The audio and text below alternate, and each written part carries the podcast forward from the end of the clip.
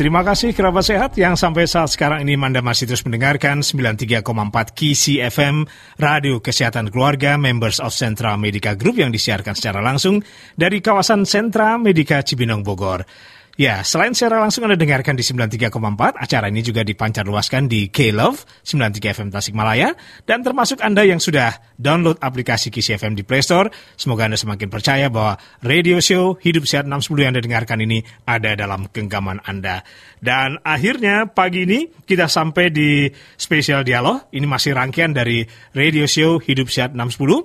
Ya, seperti biasa, Kamis pagi kami hadir dengan Road Safety Talk. Dan untuk kali ini, seperti yang sudah kita informasikan sejak pagi-pagi sekali tadi, tema kita hari ini adalah profesi pengemudi, pilihan atau terpaksa.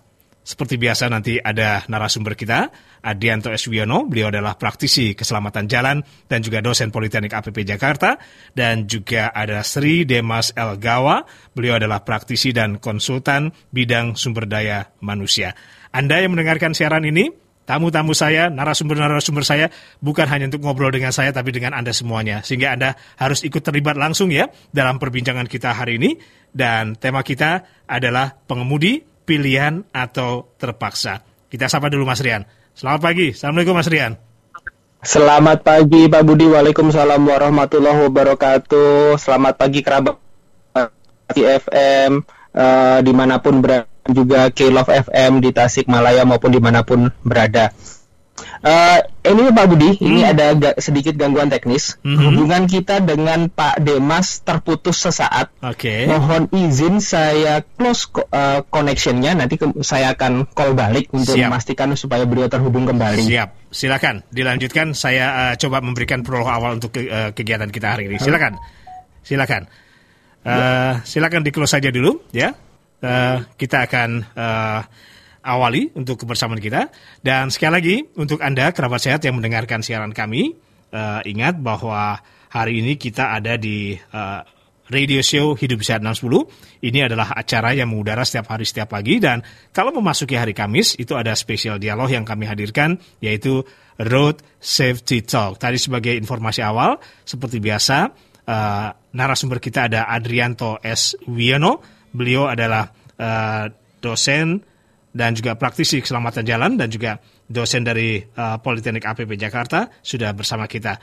Dan tentu saja tidak sendiri, juga ada Sri Demas El Gawa, beliau adalah uh, praktisi dan juga konsultan di bidang sumber daya manusia. Oke, Mas Rian, silakan dilanjut Mas.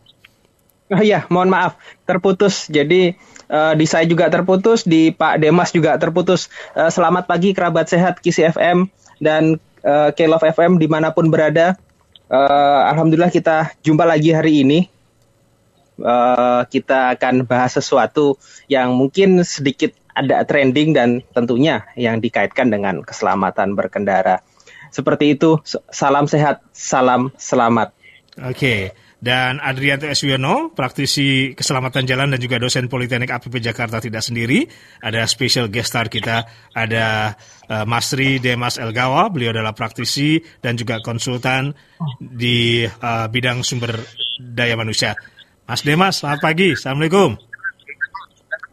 Waalaikumsalam, selamat pagi Mas Budi, Mas Rian, dan pendengar semua di mana pun berada.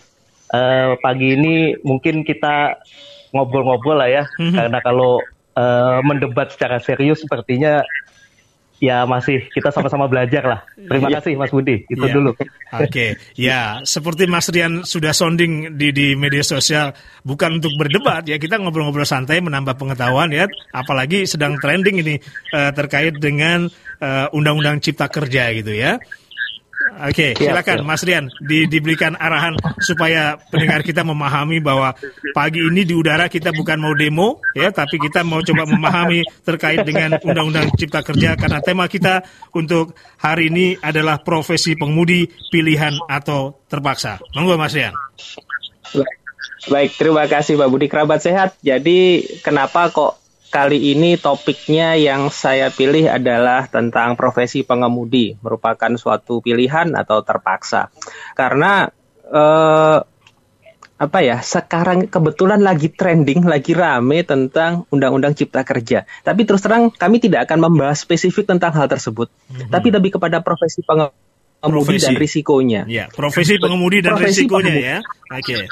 ya, betul konteksnya sebenarnya ada uh, di hal tersebut kemudian bagaimana dengan rekrutmen uh, seperti rekrutmen terhadap pengemudi apakah aspek-aspek keselamatan, kemampuan pengetahuan tentang keselamatan dari pengemudi itu juga menjadi sebuah pertimbangan ketika melakukan rekrutmen.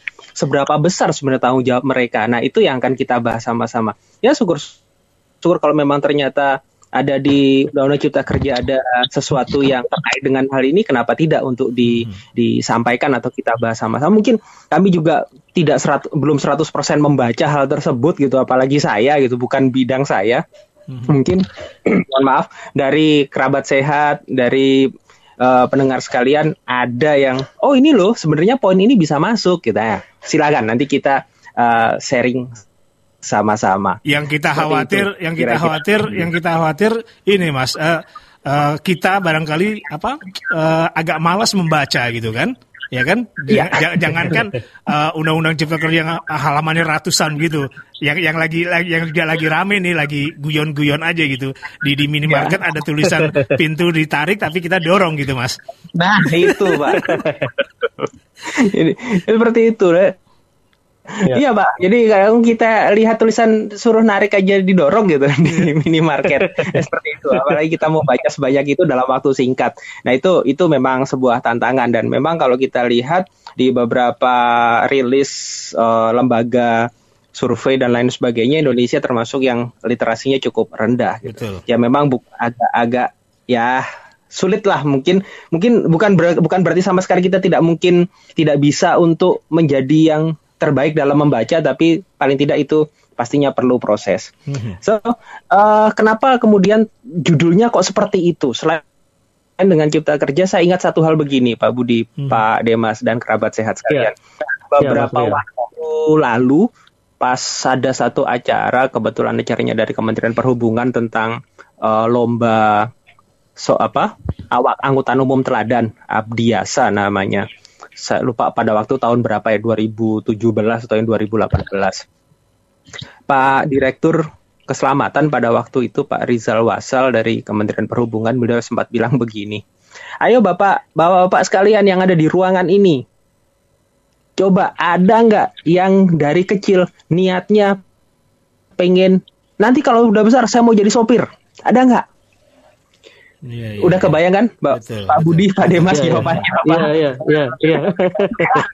gak akan ada satu orang pun yang angkat tangan dan itu kejadian beneran gak ada yang angkat tangan gitu. Hmm. Kita citanya nggak pernah ada orang cita-citanya. Saya mau cita-cita apa? Iya, Nggak ada. Iya. cita jadi polisi, jadi presiden, jadi apa gitu kan. Tapi cita-cita jadi pengemudi, jadi sopir, nggak ada. Yeah ini bagaimana? Yeah. Kenapa ini bisa terjadi? Sedangkan kalau ditanya, cita-cita jadi apa? Jadi pilot ada, hmm. jadi nakoda ada, yeah, yeah. jadi sopir bis, sopir kendaraan yeah, umum yeah, yeah. nggak ada, nggak ada. Kenapa? Uh, kalah mungkin kalah kalah pamor kadang tapi, tapi mungkin yeah. ada hal yang menarik yang kita nanti bisa kupas di balik ini kenapa orang -hmm. menjadi tidak tidak mau wah saya, saya bangga bahwa saya adalah sopir gitu. Kan ya, ya. saya bangga adalah pilot saya bangga adalah saya adalah nakoda gitu saya mau alim ah, seperti itu. Seperti itu kira-kira Pak Budi dan Pak Demas. Baik baik Mas Rian. Jadi kalau kalau dari sudut pandang Pak Pak Demas selama ini sebagai praktisi kesel, apa praktisi HRD gitu melihat hal seperti ini gimana Pak? Iya, terima kasih Mas Rian, Mas Budi dan juga uh, kerabat sehat, ya hmm. sebutannya ya. Hmm. ya. Uh, bagi saya uh, tantangan profesi pengemudi itu yang pertama tentunya karena kita menjual jasa ya. Tentunya harus memberikan pelayanan yang aman, nyaman, tepat waktu dan tepat arah. Kenapa saya bilang tepat waktu dan tepat arah? Tepat waktu tapi kalau arahnya salah juga kurang bagus. Iya. Tepat tepat arah tapi waktunya salah apalagi gitu ya. Nah, kemudian yang kedua menurut saya mampu memberikan alternatif solusi tentang jarak dan waktu tempuh. Jadi mungkin saat ini seorang pengemudi itu posisinya sama dengan dengan penumpang. Misalnya katakanlah penumpang ini user atau bosnya. Hmm. Jadi yeah. uh, driver itu sudah bisa memberikan solusi alternatif. Misalnya Pak tolong saya antar ke A. Oh lewat yeah. sini aja Bu, lewat sini aja Pak. Nah kira-kira harus seperti itu. Nah yang ketiga, ya menurut saya ini yang paling penting mampu memanfaatkan teknologi seperti hmm. Google Map dan sebagainya. Itu itu yang paling penting lah untuk mendukung kelancaran jalan. Nah mungkin dari pendengar kita ada yang uh, driver uh, online, driver kendaraan online. Nah ini udah ibaratnya ini senjatanya deh kalau sampai uh, rekan-rekan yang yang yang ketiga, yang ketiga mas, yang yeah. memanfaatkan teknologi.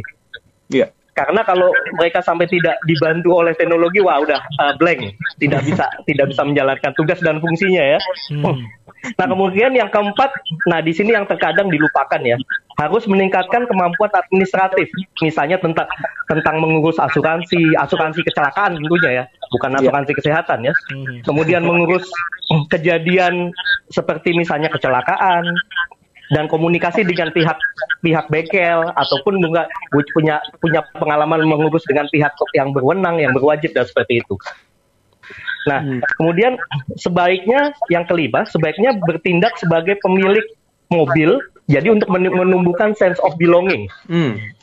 terhadap kendaraan sendiri. Karena tentu beda ya kalau kita seakan-akan ah, ini mobil perusahaan, hmm. ini mobil pinjem, sama mobil kita sendiri beda lah. Iya, iya. Seperti Mas Rian, saya lihat uh, saat mengurus motor motor balapnya itu seperti seakan-akan sama dengan mengurus istrinya lah kira-kira begitu ya. Istri pertama malah itu ya. Iya, itu pertama malah itu. Yang di tiap hari dilus-lus gitu ya. nah, yang keenam ini yang memang ini uh, uh, salah satu uh, kredit poin ya apabila bisa berbahasa asing bahasa Inggris minimal pasif tuh sekarang udah lebih baik lah mengingat banyak eh, tamu-tamu dari dari luar negeri dan sebagainya. Hmm. Nah sebenarnya profesi pengemudi ini uh, kalau dibilang profesi yang kurang kurang apa ya kurang menarik kurang menarik itu saya lihat tidak juga ya oh, karena okay. saya punya pengalaman saya punya pengalaman salah satunya. Tapi saya bicara tentang driver kantor ya. Iya, oke okay, pak. Jadi pada saat itu uh, pimpinan kami, number one kami, CEO kami yang saat ini menjadi penguasa media di Indonesia, yeah. ya itu berulang tahun, Pak. Oh. Saya ingat sekali pada saat itu karena karena saya jadi staff, jadi saya mengurusi ulang tahun acaranya. Hmm. Itu semua diundang tamu dari luar dan kebetulan menteri pada saat itu datang mewah sekali semua acaranya. Hmm. Yeah. Nah pada saat pemotongan tumpeng, ya, uh, pembawa acara menyampaikan potongan tumpeng pertama itu akan diberikan kepada orang yang paling berjasa terhadap si CEO ini, mm-hmm. ya. Dan pada saat itu saya lihat gestur dari direktur-direktur, manajer atau uh, eh, GM itu ada yang betulin dasi, ada yang betulin jas, ada yang betulin bajunya. Jadi sudah GR, yeah, yeah, yeah, penuh kegeeran kalau kalau bahasa saat itu ya. Hmm. Wah saya nih yang dapat nih atau ada yang paling senior di situ. Hmm. Wah, saya nih yang dapat nih. Tapi mungkin bisa dijawab kan, bisa diterkakan jawaban saya. Yeah. Siapa yeah. yang dipanggil? Yeah. Drivernya, Pak. Wah. karena karena secara sederhana dia bilang ini yang paling berjasa buat saya. Yang mengantar saya, yang menemani saya, yang kadang-kadang teman ngobrol saya, seperti itu. Nah, kemudian saya juga punya pengalaman di perusahaan Jepang.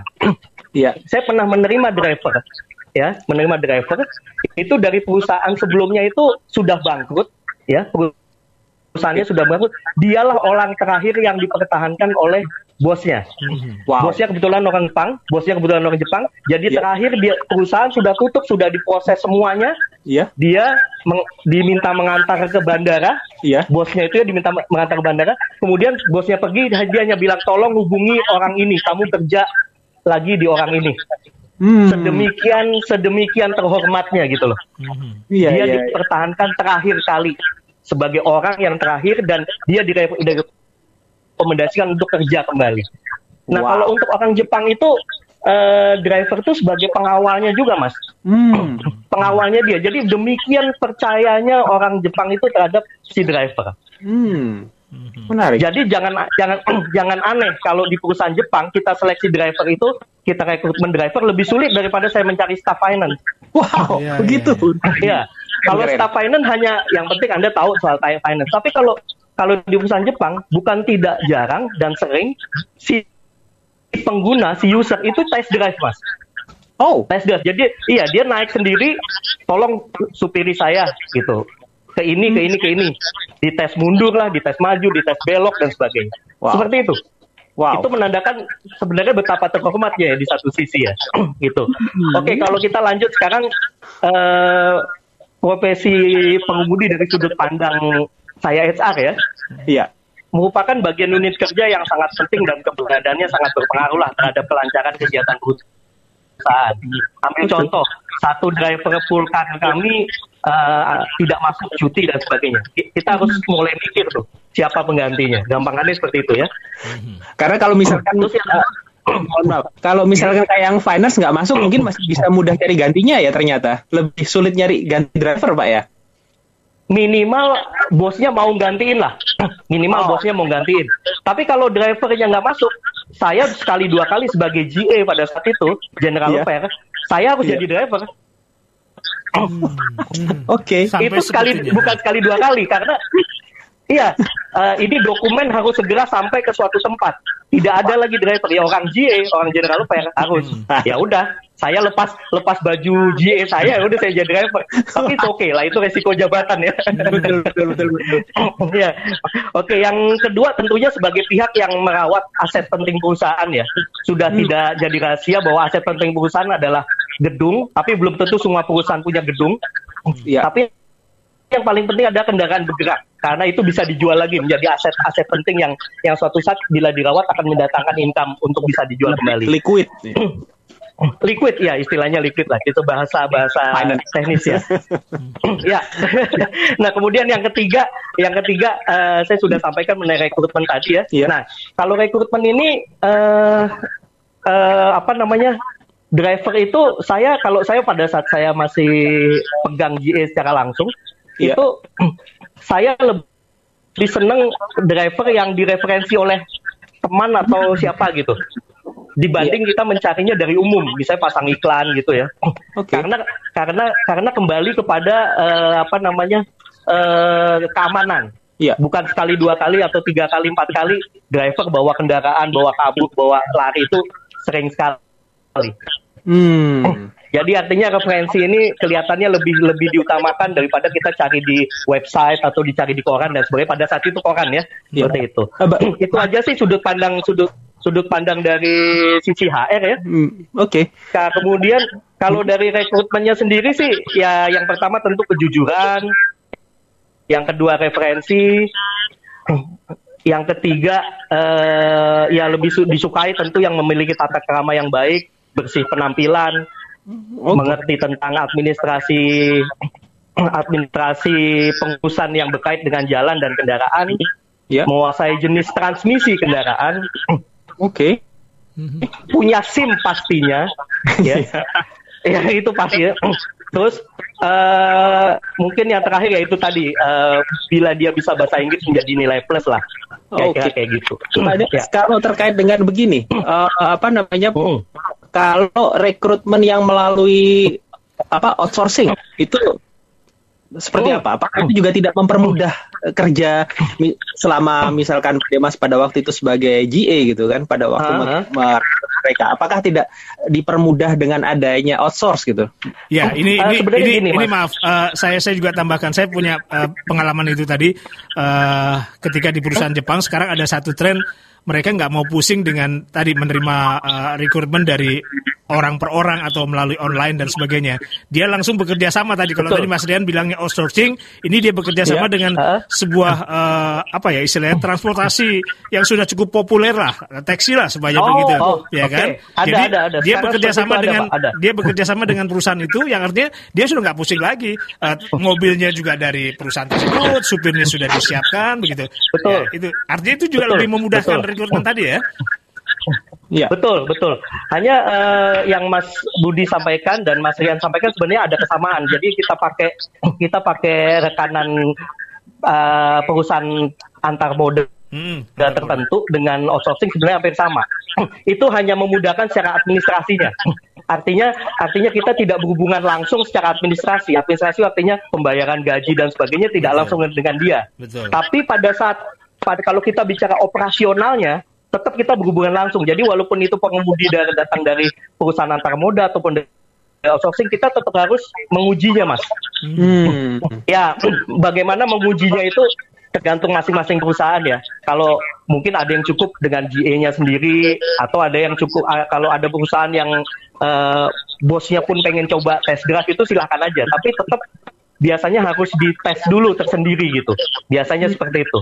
Okay. Kalau terkait dengan ini Pak, ada satu hal bahwa perbedaan antar budaya ini kadang-kadang juga sebagai satu penghambat ya. Iya iya iya. Ya. Ada beberapa pengemudi dari apa perusahaan transport yang mereka juga menyediakan kendaraan termasuk pengemudinya yang pernah saya training, mereka sempat ngobrol sama oh. saya bilangnya begini, Pak kami itu pusingnya kan uh, beda kultur jadi contoh oh. sederhana ngelakson. Saya kalau bos saya, bos orang Jepang, saya ngelakson diomelin, Pak. Jangan ngelakson, yeah, ngelakson, yeah. tuh binatang gitu. Aduh, repot saya. Iya, iya. Selama ini nah, kalau itu, apa culture shock ini. Iya, biasanya sih gini mas. Memang kalau kita mau meng-hire yang nantinya digunakan eksklusif perorangan, memang biasanya kita minta orang yang sudah eh, yang sudah pernah ya menangani orang Jepang misalnya. Tapi kalau belum, kita pasti training dulu. Jadi hmm. sekarang uh, seperti Mas Rian sampaikan, yeah. driver itu tidak hanya di diberikan training tentang bagaimana sih ngerem, bagaimana mengemudi enggak. Yeah. Kita memberikan semacam training uh, service excellent gitu loh. Bagaimana oh. dia harus menangani uh, ya tapi tentunya service excellentnya beda dengan seorang seller dengan seorang driver tentunya beda ya. Iya. Tapi kan sama-sama menghadapi customer. Mungkin yeah. nanti customernya itu adalah bosnya, usernya atau tamu mungkin tamu perusahaan. Jadi saat ini sudah sangat berkembang driver itu sebenarnya maaf ya maaf dalam tanda kutip derajatnya itu sudah naik. Hmm. Dia tidak lagi tidak lagi menjadi menjadi yang paling bawah lah. Termasuk misalnya office boy, messenger yeah. itu juga itu juga kita berikan training service excellent gitu. Yeah. Gitu. Iya. Iya, iya, iya. gitu. Oke, itu itu ya makanya saya waktu itu ngobrol ketemunya seperti itu. Kemudian kultur satu lagi yang sering ketemu ya ini ada ya, entah Jepang, Korea entah apa. Kadang-kadang kan beliau-beliau ini cukup workaholic gitu. Oh iya betul. Sopirnya sama drivernya yang keteteran itu. Wah malam belum pulang. Saya udah harus pulang ini. Mas Rian, Mas Rian dan ya. Mas Demas uh, ya. ditahan uh. sebentar. Ada pendengar kita yang ikut ngobrol sama kita pagi ini ya. Oh, okay. boleh silakan. Kalau nggak salah sih ini ada Ibu Els nih. Pagi Ibu Els. Wah Ibu Els. ya pagi Bu. Pagi Bapak-bapak. Ini mau ikutan dikit nih ngobrol nih. Silakan. Silakan. Silakan. Iya. Begini apa ya pengalaman saya ya, saya di oh. Jepang. Nah, memang kalau kalau kami memang apa selalu rental driver supaya kami tuh nggak repot ngurusin mobil, ngurusin ini itu segala macam, advan dan sebagainya. Termasuk juga untuk memilih drivernya. Jadi driver yang datang ke kantor kita itu udah driver yang benar-benar terpilih ya, ya dari segi hmm. apa pun. Nah, yeah. Seandainya dipakai oh. oleh usernya, usernya nih orang Jepang dan mereka kelihatannya nggak sopan atau uh, salah jalan pun dipulangkan, udah nggak ada kata lain, apalagi kalau nggak jujur gitu kan. Dan saya lihat uh, kebanyakan drivernya ini yang di tempat rental ini kebanyakan mereka tuh pendidikannya juga tinggi-tinggi gitu ya bahkan hmm. ada yang oh. satu gitu yeah. ya. Sepertinya uh, pekerjaan driver ini juga dijadikan sebagai profesi pengganti ya. Jadi seperti hmm. batu loncatan gitu. Jadi seandainya oh. ada company mereka datang ke mana dibawa sama bosnya ke uh, company mana kelihatannya ada lowongan. Nah mereka, nah di situ ada kesempatan untuk ya, ya seperti cari tahu gitu kan untuk bisa namanya juga sebagai batu loncatan itu tadi. Betul nah. betul betul. Betul betul ya ya.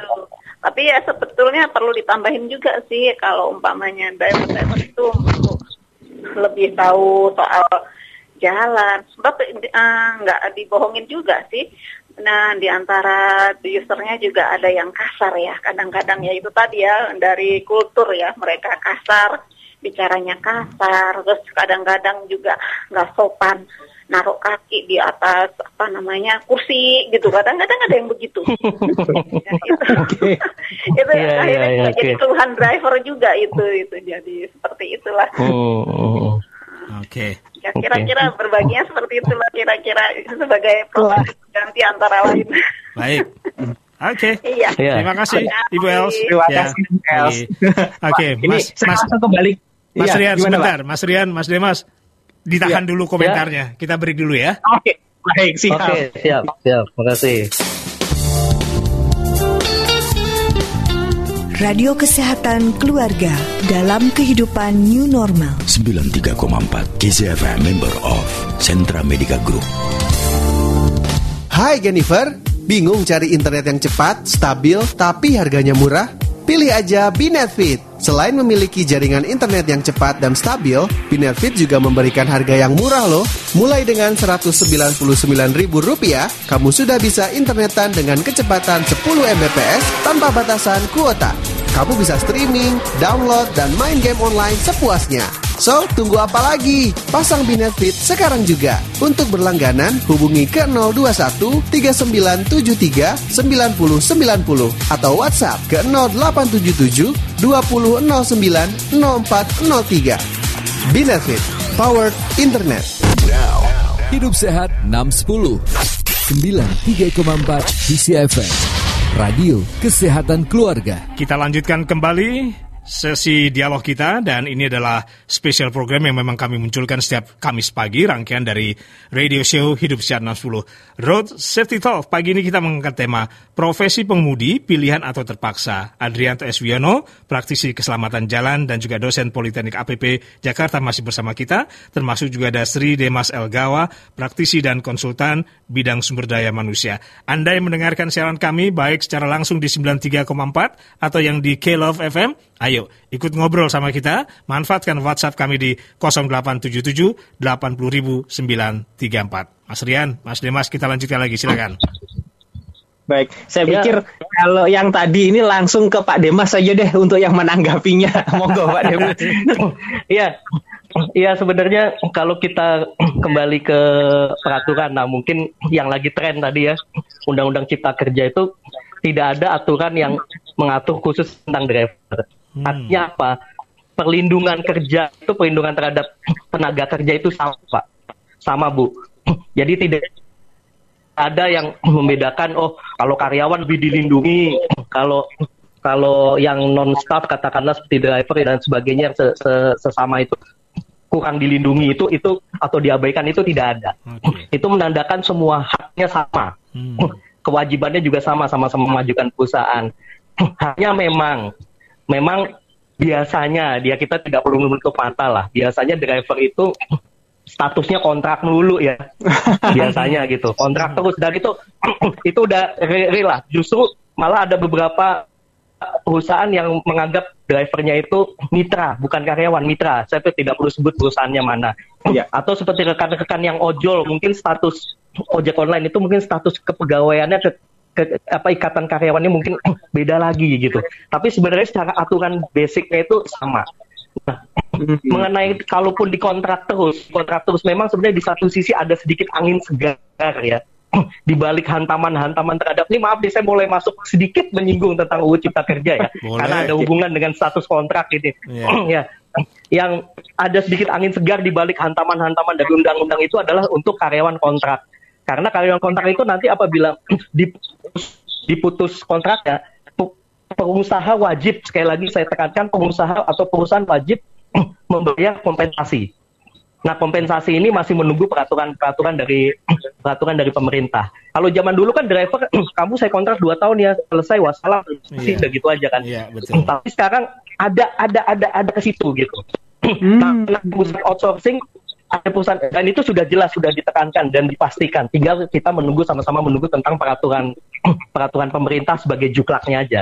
Nah kalau bicara uh, outsourcing memang sebagian besar benar kata ibu tadi kita juga nggak mau repot dan sebagainya uh, kita outsourcing dan kalau tadi saya bilang angin segar, kalau kita bicara outsourcing sekarang angin buruk nih dari UU Cipta Kerja. Hmm. tapi hmm. tapi tapi sekali lagi saya tidak membahas tentang Cipta Kerja kali ini ada ada urusan maksudnya tidak membahas detail ya, kita tidak membahas detail tentang Cipta Kerja ya, tapi ada hubungan dengan outsourcing karena karena uh, driver di outsource juga. Yaitu kalau ya. sekarang yeah. di Undang-Undang Cipta Kerja itu semua semua karyawan level karyawan under BOD. Kalau BOD kan bukan karyawan ya Pak ya, ya Mas ya. Yeah. Karena di, beliau kan pakai RUPS ya. Yeah. Itu semua bisa di outsource sekarang. Oh, wow. jadi siap, iya. Jadi siap-siap. Jadi yang tadinya outsourcing itu hanya untuk lima bidang, sekarang semuanya boleh sampai level manager pun bisa di outsource itu. Boleh, Pak. saya, saya punya perusahaan nih. Saya, saya punya perusahaan ya. Saya punya yeah. GM nih. Saya, saya panggil GM-nya kamu saya pecat sekarang. saya bayar hak Anda. saya bayar hak Anda berapa gitu ya. Hmm. Tapi mulai besok Anda masuk saya outsource. Boleh. wow boleh, boleh itu. Nah ini kita mulai mungkin tadi kalau ngomongin driver dulu agak bosen. Nah ini saya saya sentuh sedikit lah gitu. Nah tapi itu uh, kembali ke kembali ke bahasan awal untuk untuk driver saya rasa sekarang uh, justru ada sedikit angin segar kalau menurut saya. Kira-kira hmm. seperti itu dengan adanya dengan adanya kontrak itu tadi. Kalau mengenai rekrutmennya, saya rasa Ibu Bulis tadi saya rasa sama sama dengan yang saya sampaikan. Kalau bisa jaga dengan perusahaan Jepang tuh malah bagi bagi ada satu tempat yang saya perlu sebutin. Driver harus ya. tahu itu. Dia tidak peduli. Bapak kantor di mana Sudirman, saya tidak tahu tidak apa-apa. Bapak rumahnya di mana di Pondok Indah, saya tidak tahu tidak apa-apa. Itu dia tahu tahu tempat itu. Saya tidak dijamin tidak Jadi orang Jepang itu akan yakin kalau dia tahu tempat itu. Saya tidak perlu sebutkan apa. Hmm, hmm. Dan mengenai hmm. kejujuran, hmm. mengenai kejujuran, jujur itu yang paling utama. Karena pengalaman saya, orang Jepang itu, maaf saya banyak cerita tentang orang Jepang karena saya beberapa kali ada di perusahaan Jepang. yeah. Itu punya namanya Japanese Club. Japanese Club, ya. Okay. Jadi apabila orang yang bermasalah di perusahaannya, fotonya ditempel, Pak. Foto fotonya ditempel di klub itu. Foto. Fotonya, okay. fotonya. Mm -hmm. Foto. Foto dan nama. Foto dan nama itu ditempel di klub itu, Pak. Wow. Jadi dijamin kalau Anda bermasalah terhadap orang Jepang, ya. Jepang itu komunitasnya cukup kuat, itu dijamin tidak akan atau susah lah minimal untuk masuk Cari. perusahaan Jepang yang lain. Karena Halo. Halo ya. Iya iya. Lanjut lanjut. Ya. Karena mereka mereka saling kontak-kontakan. Uh, misalnya saya tahu dia berusaha, berasal dari perusahaan Jepang sebelumnya, saya tinggal kontak. Ini orang di sana gimana gitu ya. Nah, ya. Bapak tahu tiga besar orang yang paling sering ditempel di foto itu, nomor satu saya tidak perlu sebutkan, nomor dua driver. wow. Oh, okay. nomor dua driver. Nomor tiga, nomor tiga saya juga tidak Jadi uh, driver itu driver termasuk orang yang sangat disorot pak iya, karena iya. seperti yang ibu Lis tadi jam kerjanya sangat menggila uh, jam kerjanya sangat tinggi tapi bukan rahasia umum pak seorang supervisor saya tidak bicara staff ya seorang supervisor gajinya kalah sama driver pak Hmm. maksudnya gaji perhitungan gajinya sama ya, tapi mungkin uh, maksudnya perhitungan gajinya standar, tapi mungkin karena dia jarang pulang, lemburnya kan banyak tuh. Hmm. Iya. Jadi begitu dia take home pay, waduh, home pay kita geleng-geleng aja yang hitung gaji, Pak. Saya bagian itu gaji geleng-geleng aja ya, udahlah. Iya, iya, iya. gitu. Rezekinya dia ya. Oke, oke. Ya, jadi Bapak, bo, ya gitu. Baik, uh, Mas Rian, Mas Dimas, uh, saya saya coba ya. baca WhatsApp ya masuk ini dari Pak Rojali ya uh, di Boleh. taman di Taman Kenari Jagorawi. Assalamualaikum, selamat pagi Mas Budi, Mas Rian dan Mas Demas. Assalamualaikum ya sehat, salam selamat. Apa dampak kesehatan dari pengemudi jangka panjang bagi kesehatan? Ya, oh. itu satu. Apa dam, oh. apa dampak gaji oh. tidak sesuai dengan risiko? Bagaimana solus, bagaimana solusinya? Perlukah yeah, yeah, yeah. perlukah pendisiplinan supir dan pengurus operasional di perusahaan? Terima kasih dari Rojali Albaladi di Taman Kenari Jagorawi. Oke, sebelum Baik. dikomentari, tahan dulu, kita beri kembali ya. Iya. Oke. Radio Kesehatan Keluarga dalam kehidupan new normal. 93,4 KCFM member of Sentra Medica Group. Ada kabar baik buat kalian yang suka goes nih. Dalam rangka menyambut ulang tahun MNC Group ke-31, MNC akan mengadakan MNC 31 Virtual Ride. Ayo ikutan! Caranya, download aplikasi 99 Virtual Race di Play Store atau App Store di smartphone kalian. Ada dua kategori race yang bisa kalian pilih, Fun Ride 31K dan Vision Ride 100K. Lakukan pembayaran sesuai kategori race yang kalian pilih. Dengan mengikuti MNC 31 Virtual Ride, kalian juga telah berdonasi melawan COVID-19 bersama MNC Peduli. Pendaftaran dibuka mulai 19 Oktober 2020. Ayo segera daftarkan diri kalian. Kuota terbatas. MNC 31 Beyond Imagination. Info lebih lanjut cek Instagram at MNC Fest 2020. Hidup sehat 610 93,4 DCFM Radio Kesehatan Keluarga. Road Safety Talk tema uh, kita pagi hari ini yaitu profesi pengemudi pilihan atau terpaksa dan kita lanjutkan kembali Mas Adrianto Oswiono dan Sri Demas Elgawa. Silakan Mas Rian uh, mungkin sudah siap dengan komentarnya untuk Pak Rojali tadi. Baik, terima kasih Pak Rojali ini yang uh, Pak Rojali, Bu Els nih yang cukup sering untuk uh, mendengarkan aktif untuk berinteraksi dengan kita kita di sini. Ya, Pak Rojali saya yakin Pak Rojali juga pasti tahu gitu kan apa namanya uh, uh, risiko seorang pengemudi seperti apa. Nah nanti kita akan bahas bersama dengan Pak Demas yang tentunya kan pengemudi ini punya risiko apalagi membawa VIP VIP-nya perusahaan CEO CIO dan lain sebagainya. Mereka kalau sampai ada miss sedikit atau ada masalah sedikit maka ketika terutama ketika di jalan maka urusannya jadi panjang. Bisa jadi satu perusahaan worst case scenario bisa sampai down. Nggak masuk aja. Mungkin bisa jadi ada beberapa hal yang uh, proses administrasi di sebuah perusahaan bisa terhambat. Ini tentunya akan juga jadi masalah Nah, pada pernah suatu ketika saya mengisi training di di sebuah perusahaan uh, tambang gitu, mereka cerita bahwa kami ini bawa bis karyawan, Pak katanya. Kami membawa bis karyawan ya semua sih semua di outsource.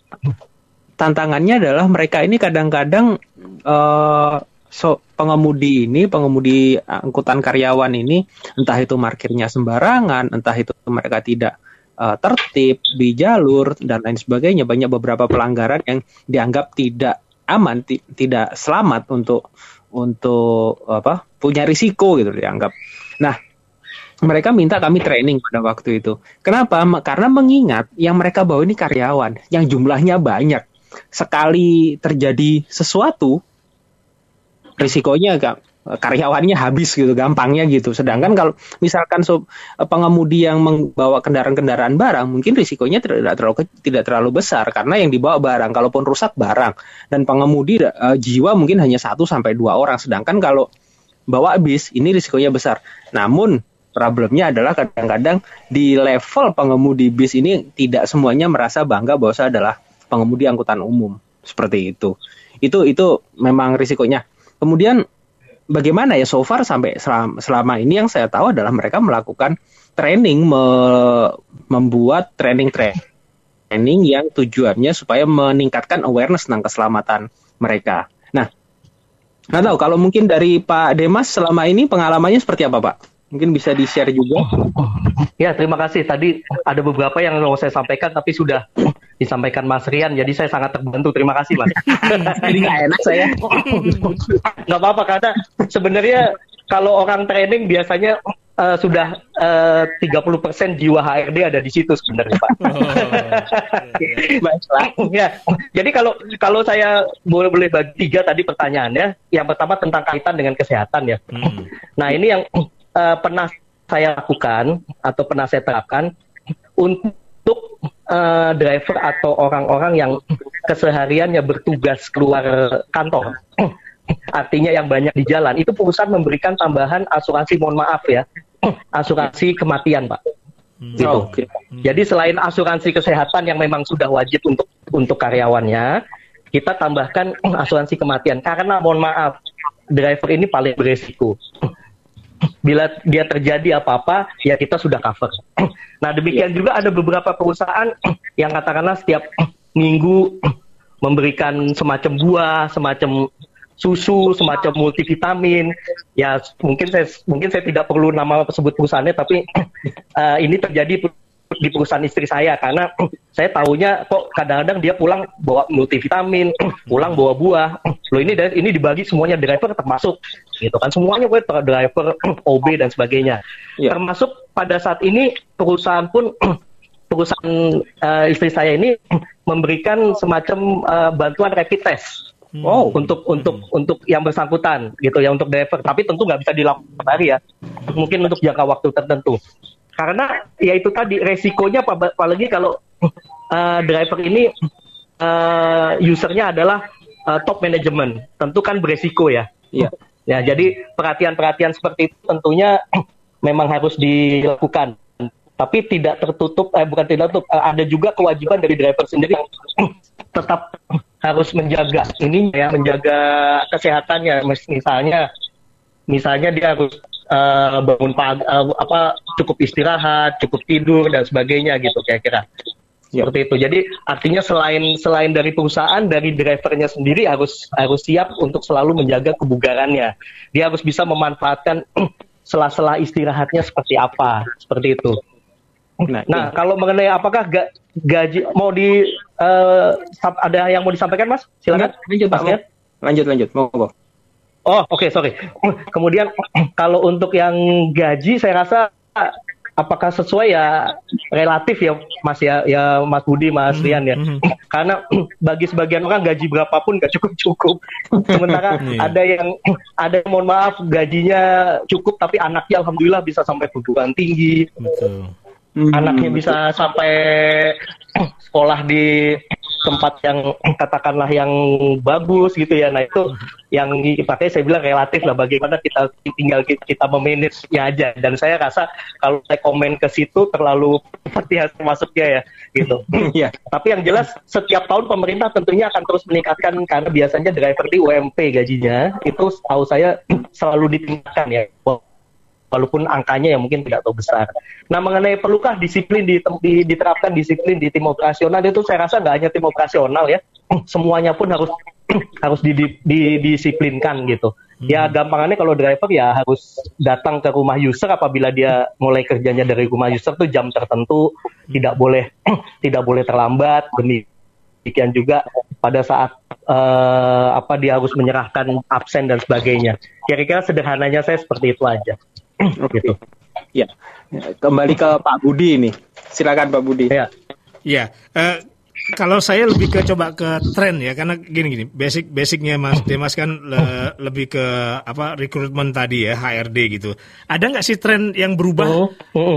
beberapa tahun yang lalu dengan tren sekarang ini kalau bicara uh, dari sisi HRD-nya Oh ada, ada. Mhm. Sekarang kalau kita mau merekrut driver, kita tahu kita tanya dulu penguasaan teknologinya apa minimal bisa baca bisa baca Google Map nggak gitu mm-hmm.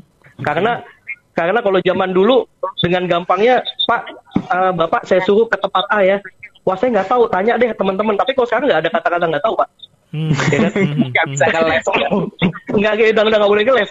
Dan terkadang kami pun uh, untuk nah ini untuk mendukung kelancaran tugas kita memberikan semacam uh, handphone handphone dinas lah ya. Hmm. Jadi pada saat pada saat operasional aja kita pinjamkan itu yang akan nanti menunjukkan arah dan tujuannya.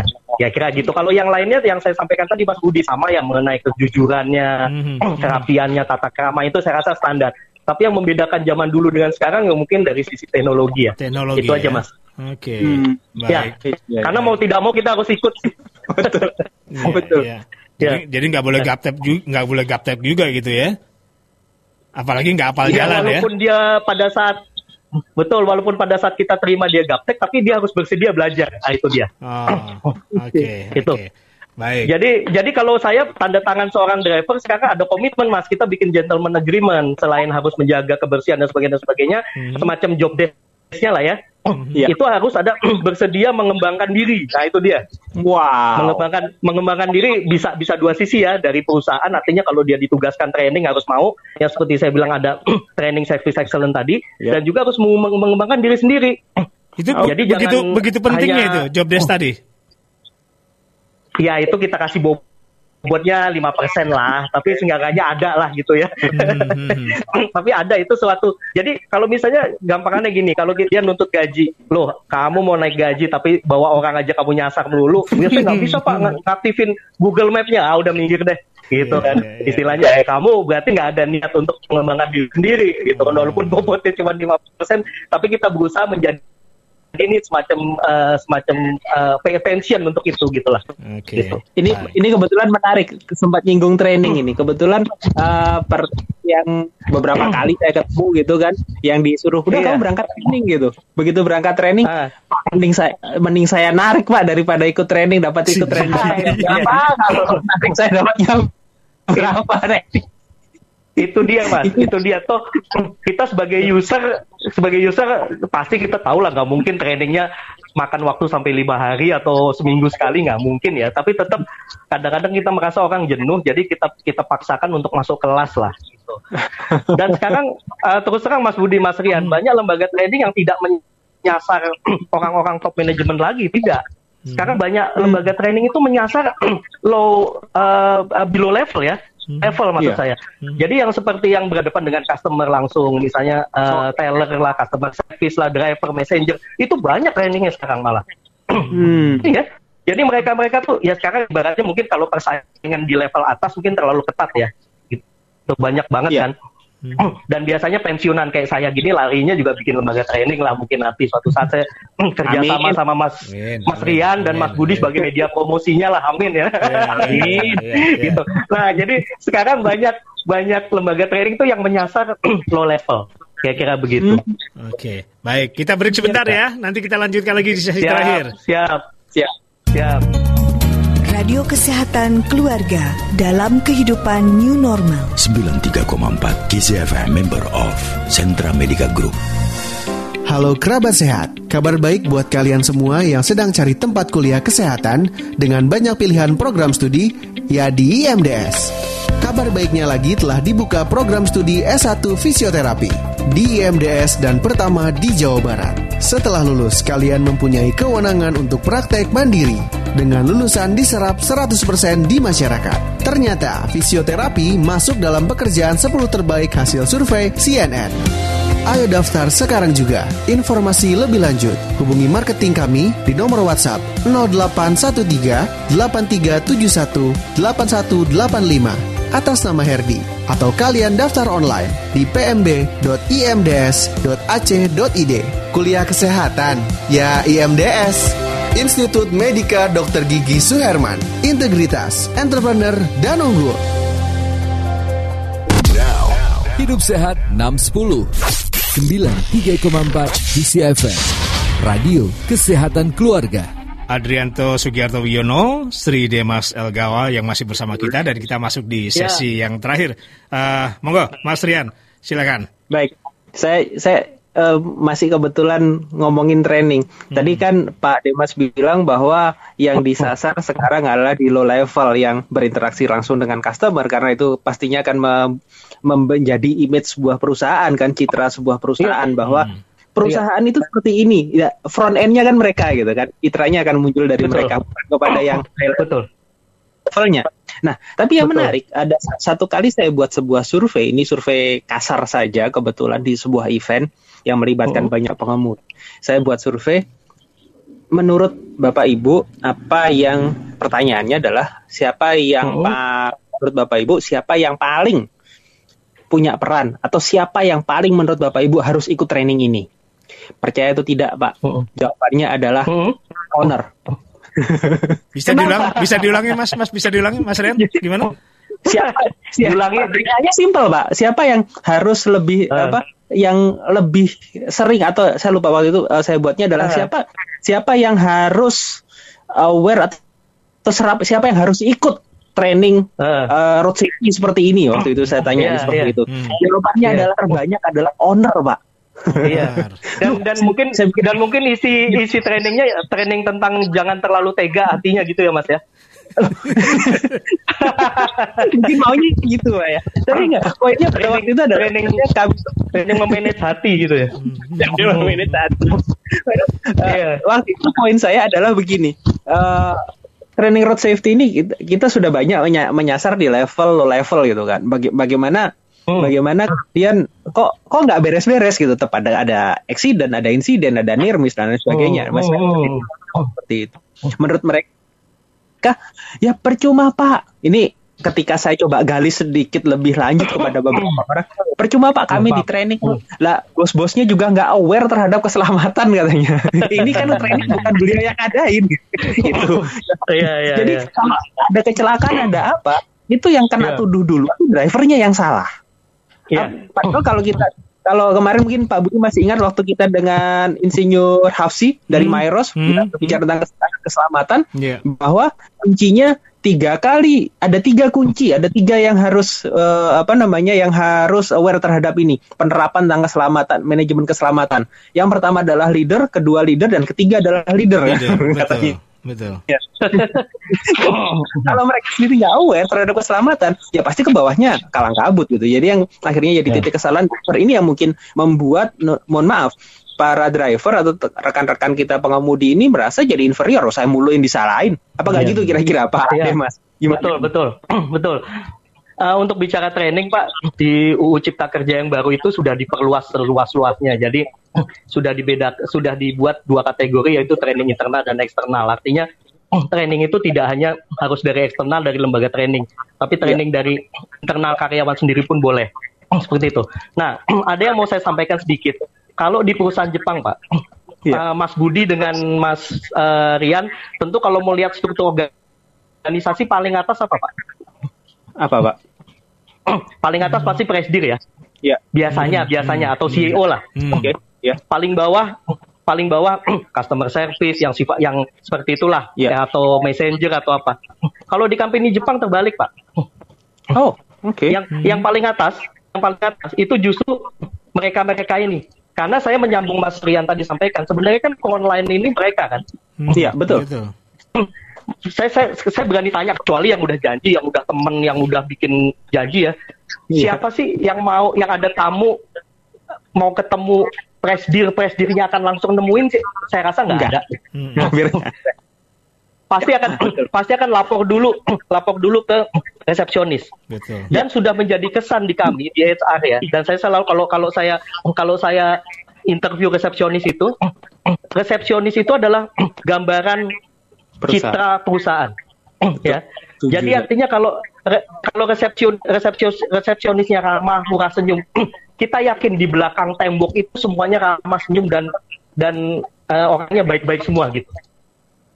Tapi kalau Iya. kita datang ke suatu perusahaan, resepsionisnya jutek, juden, Hmm. marah-marah, kita udah yakin nih yang di belakang tembok ini, ini lebih buas dari resepsionisnya gitu. Jadi iya. itu itu merupakan kesan pertama.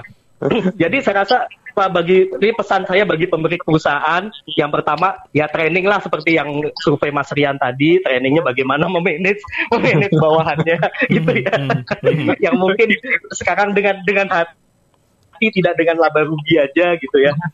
Nah tapi juga yang sebagai pemilik perusahaan juga sempatkanlah budgetkanlah training setahun sekali. Oke. tahun sekali itu eh, untuk training semua level Iya. begitu Pengemudi sebagai ya karena profesi. saya tam- Hmm? ya. Lanjut lanjut. Karena karena ya, saya tambah, tambah tambahkan sedikit aja. Karena saya se- eh, sempat saya punya eh, apa namanya job desk punya KPI KPI saya adalah harus melakukan training untuk semua level karyawan. Pada saat itu seperti itu Pak. Jadi itu tantangan untuk seorang HR di perusahaan. Artinya dia harus wajib melakukan training dan merencanakan dan membacakan training untuk low level. Itu aja. Terima Oke. kasih. Silakan diringkas dan ditutup, Mas Demas, eh, dari eh, sisi pengalaman Anda eh, terkait dengan tema kita pengemudi sebagai sebuah profesi sekaligus closing statement dari seorang yang eh, punya pengalaman di bidang HRD ini. Ya. Baik, bagi saya kalau kembali ke judul tentunya eh, pengemudi ini adalah bukan pilihan terakhir, ini adalah pilihan terhormat yang artinya apa pun yang sudah kita pilih yang kita jalankan hasilnya insya Allah akan baik. Dan tidak perlu undang-undang cipta kerja atau apa pun, pesan saya bekerjalah, bekerjalah sebaik-baiknya, percaya kepada Allah, karena ada yang bilang rezeki tidak akan tertukar. Hmm. Karena ada yang bilang rezeki sudah di tangan Tuhan dan tidak akan tertukar. Artinya hmm. orang yang rajin rezekinya pasti pasti sesuai dengan apa, apa yang dia, dia kerjakan. Yeah. Jadilah uh, driver yang bertanggung jawab, driver yang uh, uh, apa namanya bisa memiliki tata kerama yang baik, bertanggung jawab dan menjadi uh, bagian dari perusahaan memiliki loyalitas yang tinggi. Itu aja Pak yeah. message-nya. Lanjut Mas Adrianto Eswiono sebagai closing statement silakan.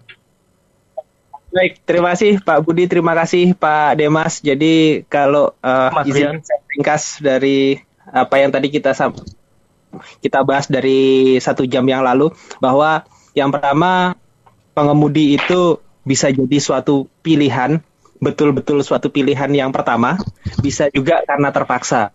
Tapi alangkah baiknya jika menjadi pengemudi, pengemudi itu merupakan suatu pilihan yang pertama. Kenapa? Karena untuk beberapa di beberapa perusahaan di beberapa titik merupakan pilih uh, apa mereka dianggap sebagai orang-orang yang terhormat.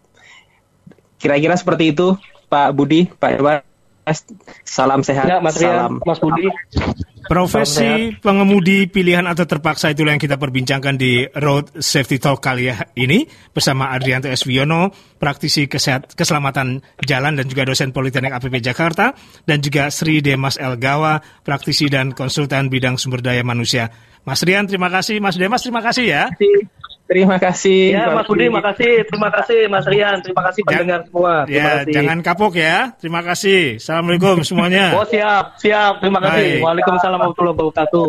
Ya, para K-Lovers dan K-Love FM, terima kasih. Terima kasih juga mendengarkan siaran kami di 93,4 Kisi FM, Radio Kesehatan Keluarga, Radio Show Hidup Sehat 610 cukup sampai di sini. Saya Budi Sunarso, undur diri. Tetap sehat. Tetap semangat.